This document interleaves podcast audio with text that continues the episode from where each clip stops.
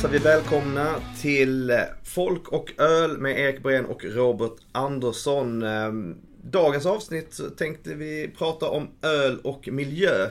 En kombination som måste stämma egentligen för att det ska smaka bra. Enligt mitt tycke. Mm. Ja, öl måste ju avnjutas i någon typ av miljö och Ja. jag tycker också den är viktig. När tycker du, vad är den bästa platsen? Är det en sandstrand eller är det i en murrig källare? Absolut inte en sandstrand skulle jag säga. Nej. Eh, Det är väl för att jag inte är så glad vid sol och värme kanske. Men jag skulle nog säga att jag är... Ja men en källa, men det finns ju inget som eh, går upp mot att faktiskt avnjuta en öl kanske på bryggeriet. Där, men jag tänker på platsen där det faktiskt Ja. tillverkas. Vissa bryggerier då kan återkomma till det längre fram. Men eh, jag har vissa upplevelser som varit helt fantastiska. Men där, är, där kommer ju nörden fram. Hur många människor får komma in på ett bryggeri och dricka öl? Ja, i Sverige kanske det inte är samma sak riktigt. Därför där har vi ju bryggpubbar och grejer. Men alltså jag tänker mer om man åker till Belgien eller Danmark. Då är det lite annorlunda. Jaha. Ja, Du har varit inne i dem? Ja, jag har varit inne i... Vad säger man? Katakomberna. Nej, men jag har varit inne på ställen liksom... Ja, som alla får komma in på. Men Mm. det är en helt fantastisk upplevelse.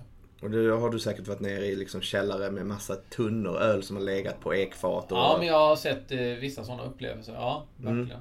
Ja, men det skulle jag säga. Men sen tycker jag fantastiskt som du säger. Eh, sitta hemma bara tycker jag är gott. I, i, gärna med ett par lurar. Bra musik. Ja, bra musik. Det är en fantastisk upplevelse. Ja. Jag eh, kan ju tycka att eh, ibland så är man i en miljö där man dricker en öl och ölen spelar inte någon som helst roll. Ehm, och att- det tar av allt liksom. Och, det, och på ett sätt kanske det är till och med konstigt varför jag dricker en öl i de sammanhangen. Utan det är för att det bara, till exempel kanske en fotbollsmatch.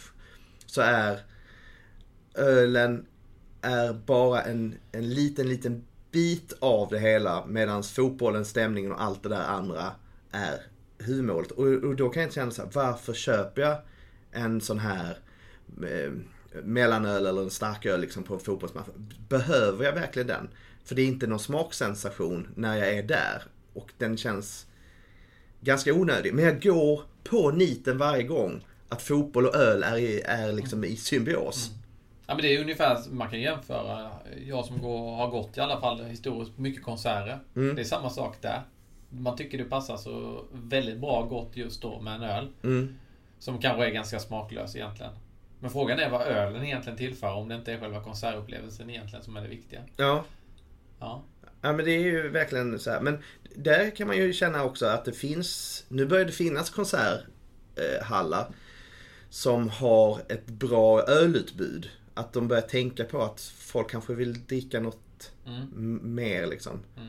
Och inte bara det att nu har ju typ var, varenda band ett ölmärke också känns det som. Så är det ju lite. Ja. Det har bara blivit fler och fler. Men eh, musik och öl går ihop på något sätt. Eh, Det tycker du? Ja, det tycker jag. Mer kanske än fotboll och öl. Ja, fotboll och öl är ju väldigt också Ja. egentligen. Men samtidigt så borde det vara egentligen helt fel. Precis. Inte all sport ska vi säga. Pingis och öl eh, är ju inte samma sak. Ja, det skulle jag, alltså he, jo men om du spelar rundpingis. Jo, jo, men jag Då tänk- kan du ha en, en flaska i handen och det blir den öldrickan Ja, då. ja, den som så- du hatar. Jag, jag såg framför mig att man sitter och tittar på pingis, alltså i en stor Mm. hall och dricker Imperial Stout. Ja. Mm. I plastmugg.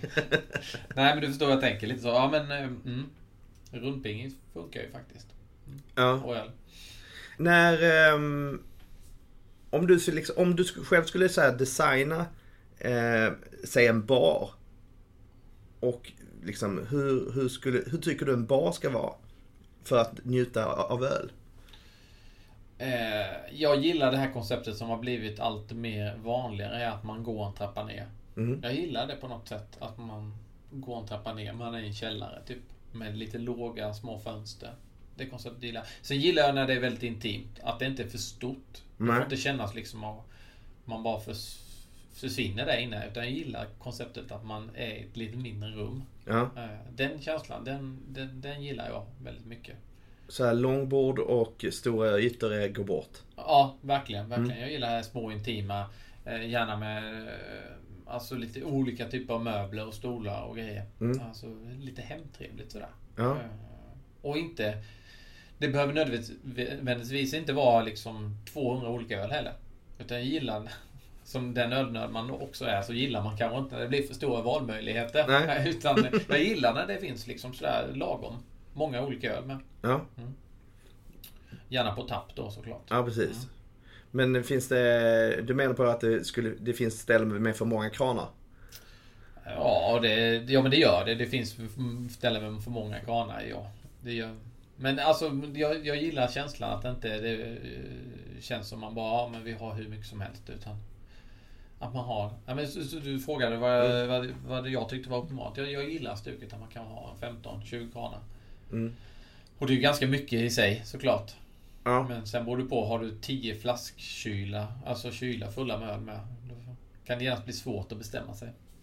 Ja, men jag vill också inne på att eh, man vill ha liksom myset.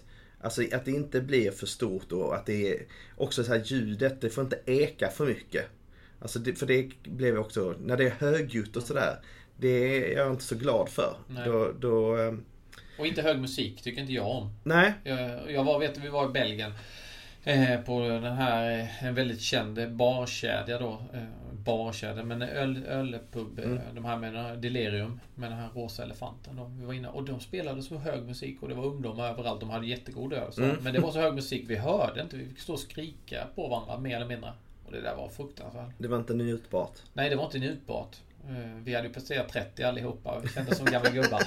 Eh, nej, då, då spelar inte det någon roll tycker jag. Då kan inte jag sitta och njuta av en öl. Nej. Nej. Nej men du sa det, kedjor. Eh, är det ett problem att det finns liksom där eh, att det, det dyker upp liksom så här ölkedjor eller liksom ölbarkedjor. För jag kan tycka, det, jag tycker, tycker att eh, många av de koncepten som har dykt upp i Sverige håller ändå en ganska skön klass. Alltså det... Man vet vad man får när man kommer in där. Jo men så är det lite och jag, jag, skulle, jag vet inte ens om Delirium är en kedja eller jag tror det finns på flera platser men men eh, absolut, jag håller med dig. Och alla de här koncepten har inte, om vi tar Michele som ett... Eh, Mm. Därför de har ju öppnat tusen barer känns det som. Men de ser ju inte likadana ut på olika platser. Nej. Så det behöver inte se likadant ut heller. Vad... Eh, har du någon favorit där? På Michele, Ja. av de barerna. Ja. Ja, jag skulle helt eh, klart säga eh, den första som de öppnade, Victoria Garde. Mm. Därför där var jag, tror jag till och med när de invigde. Det är nere i källaren Ja, det är nere i källaren. Mm. Det är första. Den är ju liten. Det är ju på mig, det är ju lite den jag sitter och beskriver när jag Ja. berättar. Eh, Men det är ju lite den känslan också. Det har väl satt sina spår i mig, helt enkelt. Mm. Men det- den, den typen gillar jag och det, jag tycker de andra också är trevliga. Nu har inte jag varit på den senaste i Stockholm till exempel. Eh, Jag har väl egentligen bara varit på tre av dem. Mm. Och, eh, men jag tycker den är supertrevlig, den känslan. Ja men det är två rum, mycket vad ska jag, höga bord där. Det finns väl några så här, Mm. kanske sittbord. Precis. Men höga bord och, och höga pallar. Ehm, vad kan du få in där? 30-40 pers? Ja, men det är något sådant. Ja. Det är som en liten... Men hela den gatan har ju blivit nästan Mikkeller Gärde nu om man ska säga så. Ehm, för de har ju både öl och bröd. Ja. Som är väl något så här smörgåsställe för öl. Och sen har de ju Hyggestund. Huggestund. Ja. Mm. Som är för tokigt, men jag älskar det. Mm. Det är ju väldigt, eh, ja men det är också inte så, så stort. Det är liksom en träpanel, mysig. Eh, och sen har de öppettider, jag tror det är mellan 7 och 3 på morgon till Ja, eftermiddag. Eh, de har en kran. Och det är bara stout i den. Är det så? Ja. Ja, Eh, oftast då det är alltså breakfast stout. mm. ja såklart. Ja. Eh, Så där, kan, där äter man då eh, frukost, eller som de heter, mor- morgonmad. Mm. Och sen eh, för frukost är ju lunch Mm, på danska. precis. Så det är morgonmad och frukost som de serverar. Ehm, mycket friterat. Okej. Ja. Hur är miljön där inne? ja men den är mysig och det är, jag har bara varit där en gång och då öste det ner utanför. Det var väldigt många som eh, unnade sig en eh, breakfast out där vid lunchtid och satt med en bok eller läste tidning, samtalade. Mm. Och det var, det fanns ingen stress, det var inte högljutt utan det var, det var hygge på Mm, ett trevligt. sunt eh, sätt. Eh, sen beställde vi in eh, typ eh, belgiska våfflor till den här eh, stouten. Så det var inte dumt. Jag, jag, jag, jag, jag gillar också konceptet, det ser man på många av de här ställena med att man kör griffeltavla. Till Ja. och att man ändrar då när man kopplar på en ny öl eller så. Och det, Mm. det blir ju lite i detta samhälle vi lever med massa digitala skärmar och sånt. Det finns ju bara i Köpenhamn till exempel vet jag som har stora Ja, monitorer. jag vet. Ja, Eh, de som har De har väl sådär 60 kranar ja sånt. Tap House tror jag du tänker på va? Så heter Ja. den. Så heter den. Mm. Mm. Och det är ganska charmig ställe i, övrigt annars. Ja. Som en, eh, jag tycker det tar bort en del av känslan lite. Första gången jag eh, besökte Tap House så var jag så här. Oh, vad det... eh, Det kändes plastigt. Mm. var inte alls eh, behagligt. Ehm, jag tror det var ja, vår någon gång som jag var där. Mm. Och sen eh, besökte jag och min sambo Tap House då ett halvår senare. Precis när det var eh, jul. Eh, och det var julskyltning. Då var det supermysigt. De hade verkligen fått en liksom så här härlig julstämning på eh, stället. Så nu har det blivit en sån liten favorit för att man går tillbaka till så här, just det, det vi hade ju supermysigt där när eh, man hade liksom grandoften på stället samtidigt som man eh, drack öl. Ja men det, man, man, det, nu har det satt sig, sig i dig precis som samma sätt som det satte sig i mig med Michele Bar som var den första. Mm.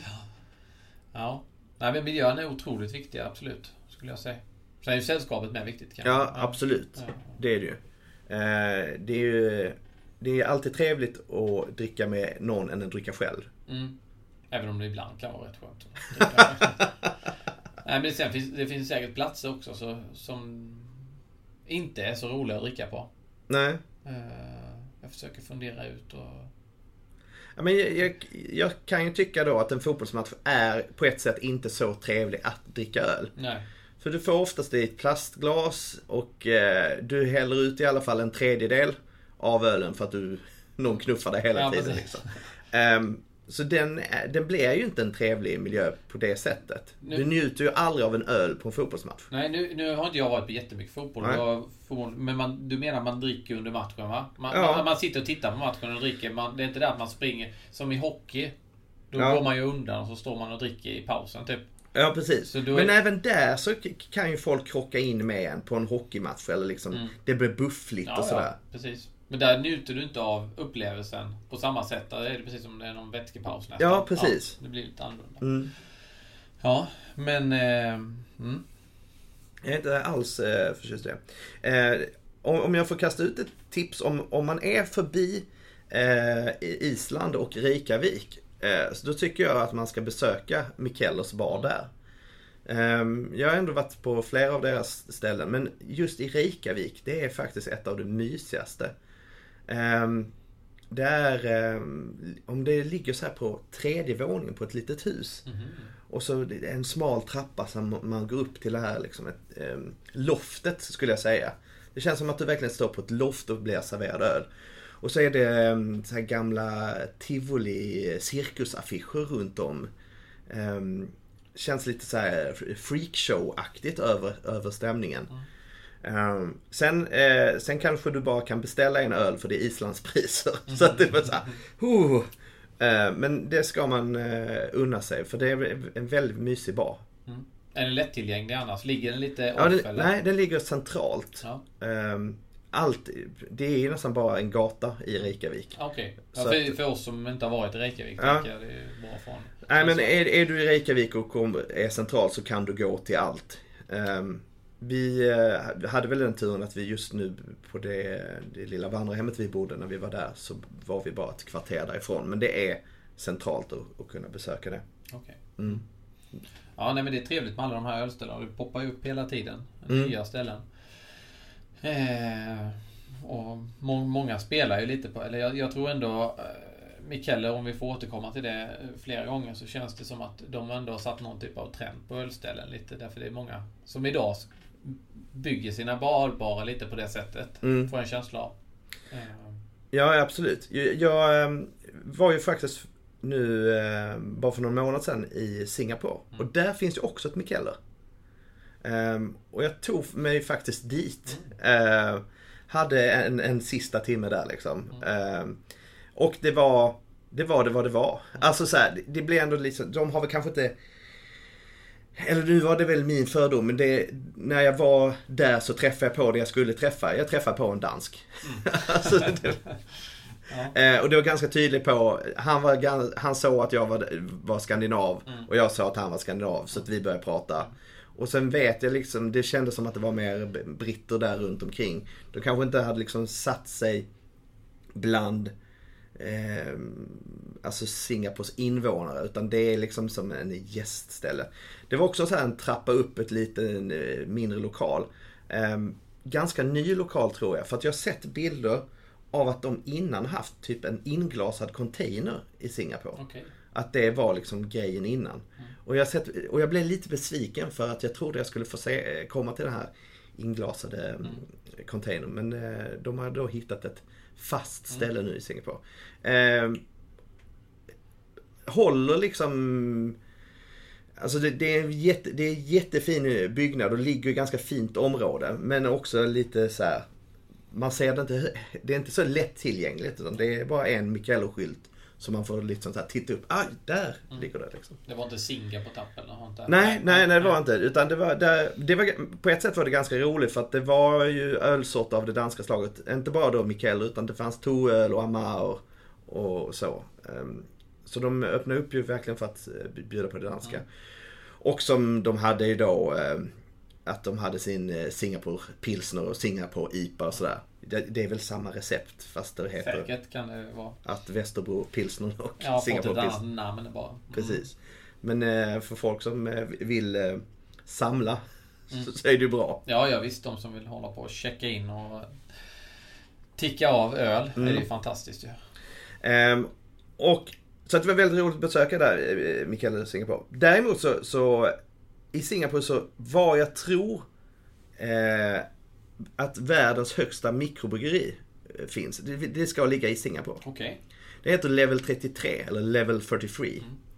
Eh, och de brygger på 33 våningen i en stor skyskrapa. Eh, ligger vid liksom marina området i Singapore. Eh, och där tog jag och min sambo oss upp. Eh, satte oss på balkongen. Och det var ganska trevligt. De hade sex stycken eh, kranar.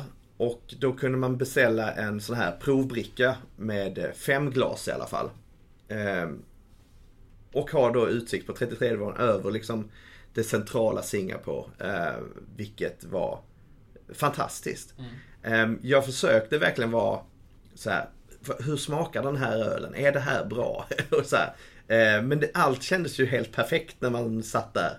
Eh, solen sken eh, i december. Ja. Och man dricker öl. Det är, det är väldigt, ölen blir bättre. Ehm, Det, hade- varit jättekul att bara ta den brickan, gå bort till hissen, trycka på källarvåning, åka ner, sätta sig i källaren Ja. och dricka brickan bara för att se. Är det samma? absolut. Ja. Men jag ska säga att jag, de sålde faktiskt sin lager och sin IPA på burk. Så jag köpte två burkar av eh, IPAn och tog med mig till hotellrummet. Och när vi drack den där så kändes det bra också. Så att det var, det var en bra IPA. Och de hade gjort en, eh, en brutt också på någon champagnegäst. Som var riktigt, riktigt trevlig. Så att, eh, Det, det Brutt-IPA för- de som inte känner till det. Ja. är En ganska torr IPA då. Mm. Eh, något som vi säkert kommer kunna ägna ett helt avsnitt. Det är väl det som tar över efter New England. IPAn här nu är ju Brutt-IPA ser man ju på mer eller mindre. så ni, eh, New England IPAn har redan eh, pikat. Ja, jag tror den har pikat för nu står det brutt på allting. Jag såg något eh, komiskt inslag eh, på Facebook häromdagen. Någon Ja. skojade lite kring brutt-IPA. Okej, Ja, så. Det, jag hänger inte med. Du, du är snabbare i vändningarna där. ja, men det är nästan man skulle börja spekulera och fundera på vad som blir nästa efter brutt-IPA. Ja. Vad är grejen med Brutipa? Kan du förklara det lite? Ja, jag, jag, jag tror inte ens jag har druckit en brutt-IPA, så jag borde egentligen inte sitta här och prata om det. Men jag tänker att det är något som är väldigt torrt. Ja. Alltså, eh, men ändå har fruktiga, humliga toner. Okej. Eh, Men jag, jag vill inte gå in på exakt vad det är. Men jag vet bara att det skrivs väldigt mycket om det just nu. Att många svenska bryggerier har redan börjat anamma det. Mm. Eh, Så eh, det borde ju nästan serveras på... Jag har sett att det varit på burk, men brutt-IPA för mig... Man, man tänker på champagne när Ja. man hör brutt. Mm. Och eh, man tänker sig ändå nästan att det skulle serveras på stora... Ja. Det är kanske det vi kommer få se i Båstad till sommaren. Liksom, Ja, på men det är, nu kommer vi tillbaka här. För Mikeller har ju gjort en eh, flaska som heter Swedish Wash. Ja, Som är väl en bruttipa? det kanske är en bruttdipa. Jag är osäker på om det är det, men det kanske är det. Men det är en brutt i alla Ja, det fall. är en brutt det där. Ja. Eh, och där har de ju då en eh, liten stripp hur eh, svenskar då vaskar. Eh, att man beställer in två eh, flaskor och eh, en häller man ut i vasken, den andra dricker man. Eh, så det finns nu en sort som heter Swedish Wash. Jag får kolla in det för att den ligger faktiskt i min kyl just nu. Men det gör det? Ja. Det var en rätt dyr flaska vill jag minnas va? Eller? Där klipper vi bort. Ja. men vad heter det? Ja, nej men det är intressant det här med, eh, med olika typer av öl.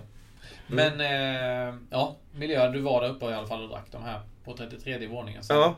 Om det var det som gjorde att de var bra. Konstaterade vi att det inte var va? Ja, men jag, Därför du tyckte de var lika bra i på hotellrummet? Ja men jag tyckte i alla fall den IPan höll sig väldigt, väldigt bra i, eh, i burkformatet liksom. Mm, Eh, De, de behöver inte skämmas. Nej. Men det blev ju också så. Mass, det kändes ju så otroligt turistigt när man var där. Alltså man hörde ju väldigt mycket skandinavier som var på den här balkongen och hade beställt exakt samma bricka som vi. Och då blev man också så här. Är stället mer ett PR-trick än att de gör bra öl? Ehm, och det där är så himla svårt ibland kan jag tycka. När man känner så här, nu hamnar jag i den här turistfällan. Ja. Men sen är det ju, det är ju så trevligt ändå. Men det är ju på något sätt, det är ju helhetsupplevelsen. Ja. Det är viktigt. Det är upplevt värde brukar jag säga. Det är, det, den hade kunnat vara lite dålig. Ja. Men du fick ändå en häftig upplevelse. Absolut. Ehm, jag ska, ska faktiskt berätta en väldigt obehaglig upplevelse i Singapore. När vi pratar om eh, ölbarer. Och det är när jag var där på Mikkeller Singapore. Så är, så är det en, jag pratade med en engelsman. Eh, amerikan var han. Eh, och jag frågar honom så här, finns det något annat ställe? För att Mikaelo stängde klockan 12. Och jag kände så här, men jag kan ta en öl till på något annat ställe. Och då finns det ett ställe som heter Raffles eh, som ligger precis bredvid eh, Mikael Singapore. Raffles är kända för att de har den här drinken Singapore Sling. Som är en sån här klassisk sötsliskig eh, drink. Som serveras där och på Raffles får man också äta eh, så här eh, pistagenötter och bara slänga skalen på golvet. Det är liksom grejen. Jaha. Så att det ligger liksom massa skal på golvet. Det är hela grejen. Och, Men, men, men man städar inte undan dem? nej, nej, nej det, det gör man väl på natten Ja, liksom. jag menar det. Ja. Så inte liksom... Nej, men sen på dagen får man slänga liksom. Mm. Det är grejen.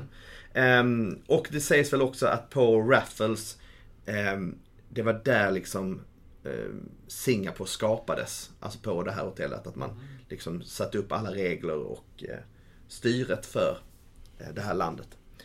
Eh, och jag säger så här, men ska man gå till Raffles och kolla det? Och han bara så här, nej, nej, nej, det ska du absolut inte göra. Det är överpris.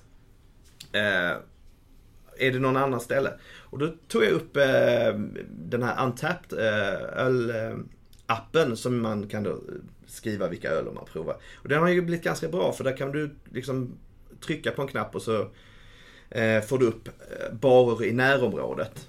Och då fanns det två eh, som jag var intresserad av. Och tänkte, ja men de skulle vara intressanta. Och han bara såhär, ja ja, jag, jag vet exakt vad det är. Eh, jag ska ändå dit, jag ska dit och spela biljard. Eh, så du kan hänga på mig. Och, eh, ja men det var ju liksom, absolut, det verkar okej. Hoppar in i en taxi. Och det första taxichauffören säger, Oh, so you're gonna meet ladies? Och jag tänkte så är det nattklubb nu han tar mig till? Men det var ju värre än så. Det var ju eh, liksom prostitutionsområdet i Singapore. Och där ligger liksom två riktigt bra craftställen som hade lagt sig där. Och det blev så himla, himla märkligt. Eh, den här amerikanen var helt okej med att eh, vara där och eh, han, han hade ju varit där flera gånger så att han, han kände folk. Okej. Och jag blev bara liksom, det var så konstigt när då kvinnor kom fram och erbjöd sig och ville liksom att jag skulle mer vara med dem än med ett glas öl. Eh, så att jag... Det skedde alltså inne på baren? Ja, ja, ja. ja.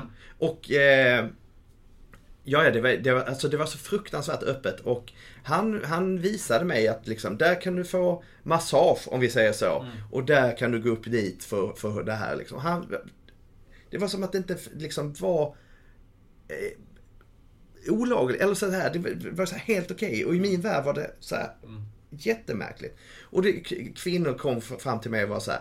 I'll be your girl next door. Och jag, jag klarade nog bara där en kvart. Ja. Sen, jag. Du ville bara jag, sitta där och dricka bruttjipa. Ja, precis. Ja. Men det var, det var... Jag vet inte ens vad... Jo, men jag fick en, några klunkar av en eh, Singapore-öl. Och sen var det bara för mig att... För jag hade så svårt för han var ju så bekväm i det här och jag var så himla obekväm så att jag bara smög mig ut. Jag sa att jag skulle gå på toaletten. Så jag bara smög mig ut och sen sprang jag till en taxi och hoppade in och åkte till hotellet där jag mötte min sambo. Och var, som min sambo sa, du var helt likblek när du kom hem. Och jag, bara, jag hade aldrig varit i ett sånt här område. Det var verkligen så här, helt så här, Då blev man verkligen så här, det finns såna här barer också i såna här områden. Och bara, så att man, ibland känner man så här, kolla upp var du ska testa öl. Mm. Jo men absolut, därför det tog ju bort hela upplevelsen. Ja, ja, ja, det, det, blev, det, var ju liksom ingen angenäm upplevelse. Nej. Nej. Fruktansvärd. Ja. Nej men det, det är samma. Jag, jag var i Belgien för många år sedan. Nu var, för har inte jag samma upplevelse för det var ju positiv men det var ändå Cantillon som ett av mm. världens största kända ölbryggerier som bara brygger suröl då var jag nere och det ligger i slumområdet utanför Belgien. Mm. Eh, eller utanför Bryssel då. Mm. Och eh, när vi kom dit så tänkte vi, vad är det här? Det är så, så skitigt och otäckt mm. ut liksom. Men sen hittade vi Cantillon och gick in där och eh, då får man en sån här rundvisning och rundvandring där inne. Och eh, man får se hela processen. De har och det är det där jag pratar om att de har stora fat som de lagrar sin suröl mm. på då. Och så får den ligga där då. Det är ju eh, olika typer av lambic som man blandar. Och sen man kan dricka äkta lambic där. Det är ju typ mm. det enda stället man kan dricka. Och det är ju ingen kolsyra i det till exempel. Så mm. det är väldigt speciellt. Men det var det jag skulle komma till. Man går runt där och ser de här faten och allting. Och miljön. Det är mögelspor i taket liksom. Miljö och hälsa skulle slagit bakut om du hade ett bryggeri i Sverige skulle se ut så. Men det är ju deras huskultur liksom. Det mm. jäs i öppna jäskar. Och eh, i vilket fall som helst. Sen när man har gjort den här bryggerivandringen där inne. Jag rekommenderar alla det, det, det ja. för det är så mysigt och häftigt. Eh, så får man gå och sätta sig där liksom. Så har de typ 5-6 bord där och så en liten braskamin. Och så sitter man där och får prova i deras lilla bad och prova eh, flaskor och rariteter. Mm. Och det är nog en av de bästa tillfällen jag varit med om. Och öl har aldrig smakat så bra. Eh, att få sitta på det här bryggeriet och hela atmosfären. och Rätt som helst kommer bryggmästaren ut. Han är ju känd. Det här bryggeriet har ju haft, uh, gått i generationer. Mm. Så jag tror det är fjärde han uh, uh, som är, som är brygger här nu i alla fall. Och då kommer han ut liksom och tände eld i brasan och så. Det var så himla mysigt. Ja. Alltså det, det Men har det, har, har det alltid varit liksom ett, ett ehm, Eh, har det alltid varit ett, liksom ett slumkvarter i Bryssel där bryggeriet har legat? Eller ja, det, det har utvecklats till Ja, jag det? tror det har legat där hela tiden. Eh, Men har det varit det här är det som det har, problemen har flyttats dit eller har det alltid varit Bra det? fråga. Det, ja. det, jag, jag, vet faktiskt inte. Eh, men det jag tycker man ändå fick man en ganska obehaglig känsla när man var där ute lite. Mm. Så det kändes lite... Jag, har, jag är inte så berest. det är kanske jag som... Eh, tyckte bara så. Men nej, min upplevelse var liksom att det var lite skitigt, lite mer fattigt. Så. Ja. Men eh, så hittar man den där lilla pärla mitt ibland detta. Väldigt trevligt. Ja, det är också det källarmiljö. Ja, liksom. precis. Det ja. kändes som en källarmiljö fastän man bara gick in på markplan. Mm. Eh, men absolut. Det är något med källare. Ja. Mm. Jag, eh, min första så upplevelse av att besöka ett bryggeri, då var jag runt 20-årsåldern. Eh, så det är typ 20 år sedan. Ehm, då var jag på Guinness i Dublin. Och då tyckte jag att det var ju helt fantastiskt. Man hade gått den här rundvisningen och så gick man ner i källaren. Och så hade man fått en liten biljett och så fick man eh, då en pint Guinness. Och då var jag ensam där. Eh, jag gick själv på den här rundvisningen. Och då tyckte jag att det var så härligt. Men nu när jag tänker tillbaka på det. Så var det så här, fast det var inte så trevligt egentligen. Alltså det är så långt ifrån för det är ju verkligen så otroligt turistigt mm. att göra den rundvandringen där. Ja. Um, och det är liksom eh, det är också så här att på den här biljetten, eh, den är hel eller halv. Så du kan eh, riva den och få två små pints eller så kan du få en. Liksom. Och det finns de som bara tar en halv pint, det räcker liksom. Så det ligger massa, kan ligga massa så här ha, eh, half pints biljetter eh, som då man när man är 20 år tycker, men då kan jag använda den liksom. Mm, Och det var väldigt många som gjorde den grejen.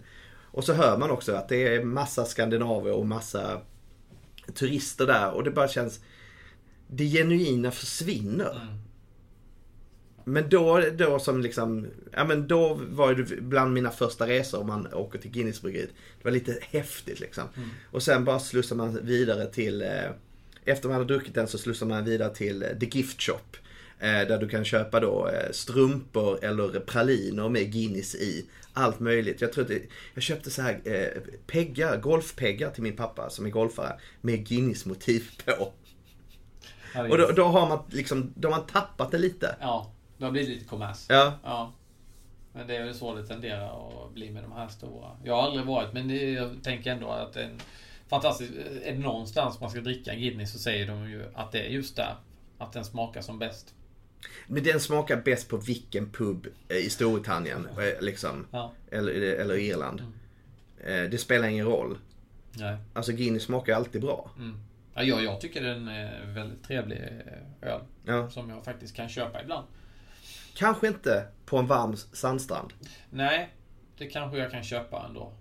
Men... Eh, den, funkar väldigt ofta annars tycker jag. Ja. Och jag tycker ändå det är en öl som tåls att faktiskt... Nu ska man inte dricka den så kall såklart egentligen. Men eh, jag kan tycka att den ändå är rätt trevlig att kyla ner lite om det kanske är lite varmare Ja. en dag. Men visst, det är ingen strandhängar-öl kanske på det sättet. Kom, jag har köpt en sexpack Guinness till stranden. Ja, jag, jag har så starkt minne av min pappa köpte Guinness på 90-talet någon gång. Eller om det var på 80-talet.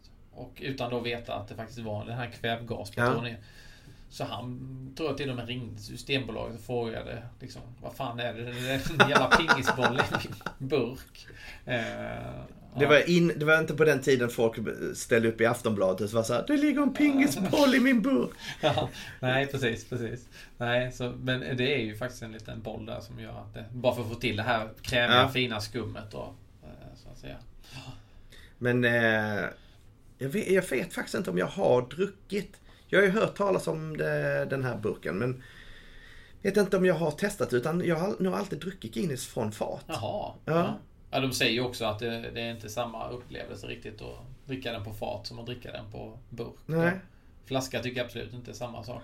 För jag har hört också, det var någon som berättade för mig att Guinness har haft en eh, speciell, alltså som en speciell maskin som eh, om man drack på burk att man satte den i någon sorts maskin så den skulle skakas om och sen skulle man knäppa upp och hälla upp. Känner du till Jo, den här? men det var någon platta eller något. Ja. Alltså, något absolut. Det känner jag igen också.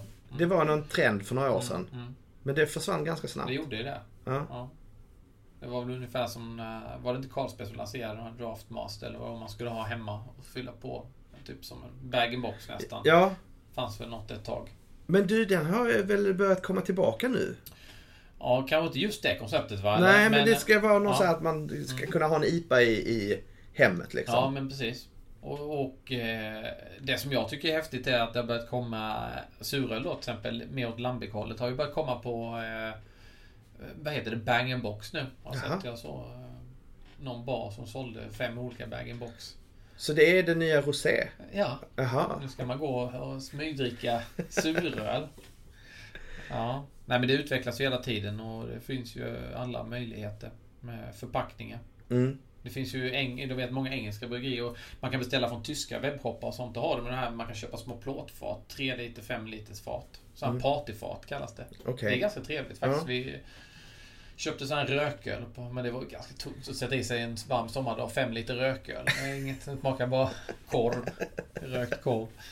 Men, Men, det är en ja, trevlig grej. Ja, vi har ju eh, pratat lite om den här varma stranden då. Mm. Vad är det för en öl som du vill förtära då?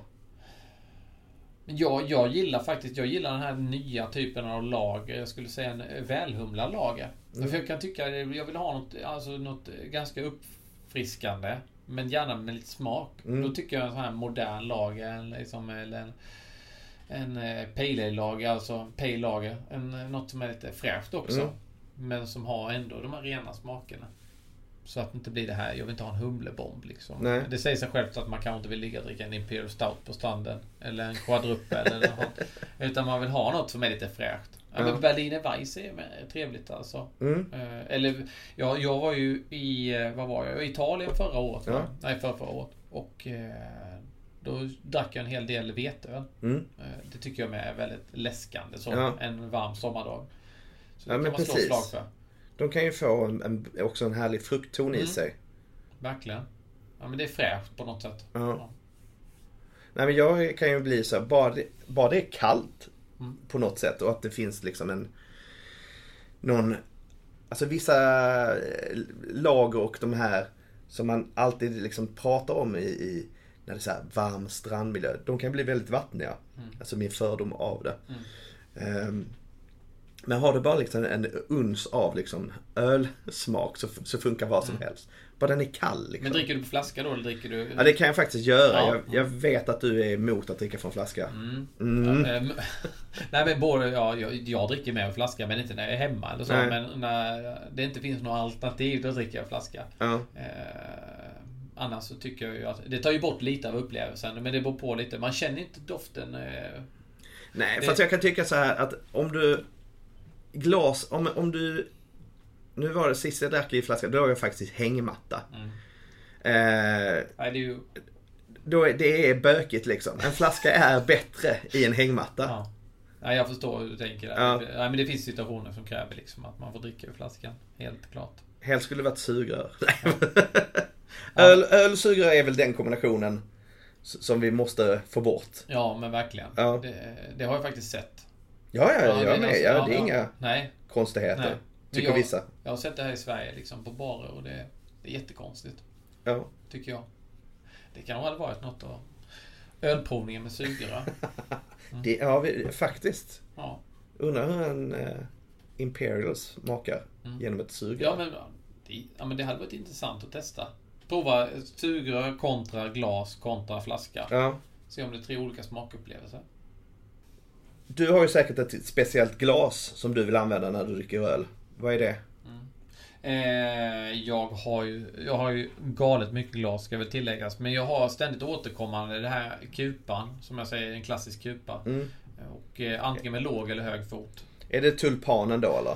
Ja, fast det går... Ja, lite tulpankänsla är det. Ja. Precis, fast lite större då. Eh, Det, det är väl det som jag ofta återkommande. Sen tycker jag kan det vara gott att dricka de här klassiska som är helt rak form. Om Mm. man dricker någon eh, pilsner eller någon eh, pale ale eller IPA eller så. Det beror på lite. Ska jag bara sitta, ska jag? Sen kan jag gilla små provningsglas. Det är så olika tillfällen. Men eh, jag kan väl ändå säga att jag återkommer ofta till det här lite tulpanformade glaset. Mm. Det gillar jag. Mycket. Var håller du någonstans? Vad sa du? Var håller du på glaset då? Jag håller Håller du- håller du foten, ja, eller? Ja, det, jag håller på foten om, om det är så att... Eh, nu blir det ju extra nördigt. Men om det är, ja, men det var- nej, men om, det, om det är något som ska liksom... Man gärna vill ha upp lite temperatur. Lite så. En stout eller som jag var inne på en quadruple eller något sånt. Mm. Då, då håller, vill man gärna hålla lite på glaset så att du får upp lite mer värme på det. Annars håller jag nere. Och gärna snurra lite Mm. på det. Jag är så skadad så jag kan märka ibland jag kan sitta och dricka mjölk ur ett sånt glas och sitta och snurra liksom och dofta. Då har man tagit det för långt. Eh, Ja men det har, det har gått för långt när dina barn sitter och gör det. Ja, nej precis. Har du nej, börjat göra det? Nej, det har jag inte börjat göra riktigt än. Nej. Så, men eh, det kommer kanske. Vad du sa med vällingen. Ja, precis. men däremot så dricker vi, vi dricker ju väldigt mycket drycker i ölglas hemma har jag insett. Mm. Mm. Även om de säger att man inte ska göra det så gör jag ändå det. Ja, men det är kul och det skulle man också kunna, det kan man det ägna så mycket tid åt med glas därför det finns ju Alltså tittar du i Belgien så har ju varenda bryggeri sitt egna glas Ja. till sitt egna öl. Riktigt där, vi, vi är inte där i Sverige. Nej men behöver vi vara det? Nej, jag tycker inte det. Nej. Vi hittar det här glaset som passar. Det finns ett glas som heter Teku med som är fantastiskt. Som Mm. har lite, liksom, det går upp lite vid läppen. Lägger sig lite innanför läppen Ja. säga, när man dricker. Det gillar jag väldigt mycket med. Det är så allsidigt glas. Det är så att näsan kommer ner ordentligt. Ja, precis. Mm. Ja, jag gillar det. Nej men det känns väl... eh, Alltså skulle man gå i liksom den belgiska termen, alltså då får man ju öppna liksom ett helt nytt rum på varenda bar för att bara få plats med alla konstiga glas. Mm. Nej men så är det ju lite. Ja. Nej men det finns ju glas som passar till allt. Verkligen. när, när tar du stöven då? Jag stötte på stövlen tror jag var i Grekland sist. För Ja. några år sedan. Då fick man så här, men det var ju så det vände sig i magen. Nej men det var ju, jag vet inte vad är det, två och en halv liter sån eller någonting. Det var helt otäckt var det. Ja. Då fick man en stövel i alla fall. Men eh, det är kul, det ser ju kul ut. Ja. Eller nej. Det kanske man skulle köra som eh, festivalglas någon gång. ja men då får det ju vara i liksom tre, två deciliter stövlar. Ja, det hade ju varit små barnstövlar. Ja. Ja. gulligt. spädbarnsfötter. Ja. Det här var Folk och öl med Robert Andersson och Erik Burén. Följ oss jättegärna på Facebook. Eh, vi heter eh, Folk och öl på eh, Facebook. Vi lägger upp bilder och andra trevligheter där. Toppen. Tack för att ni lyssnade. Ha det gott.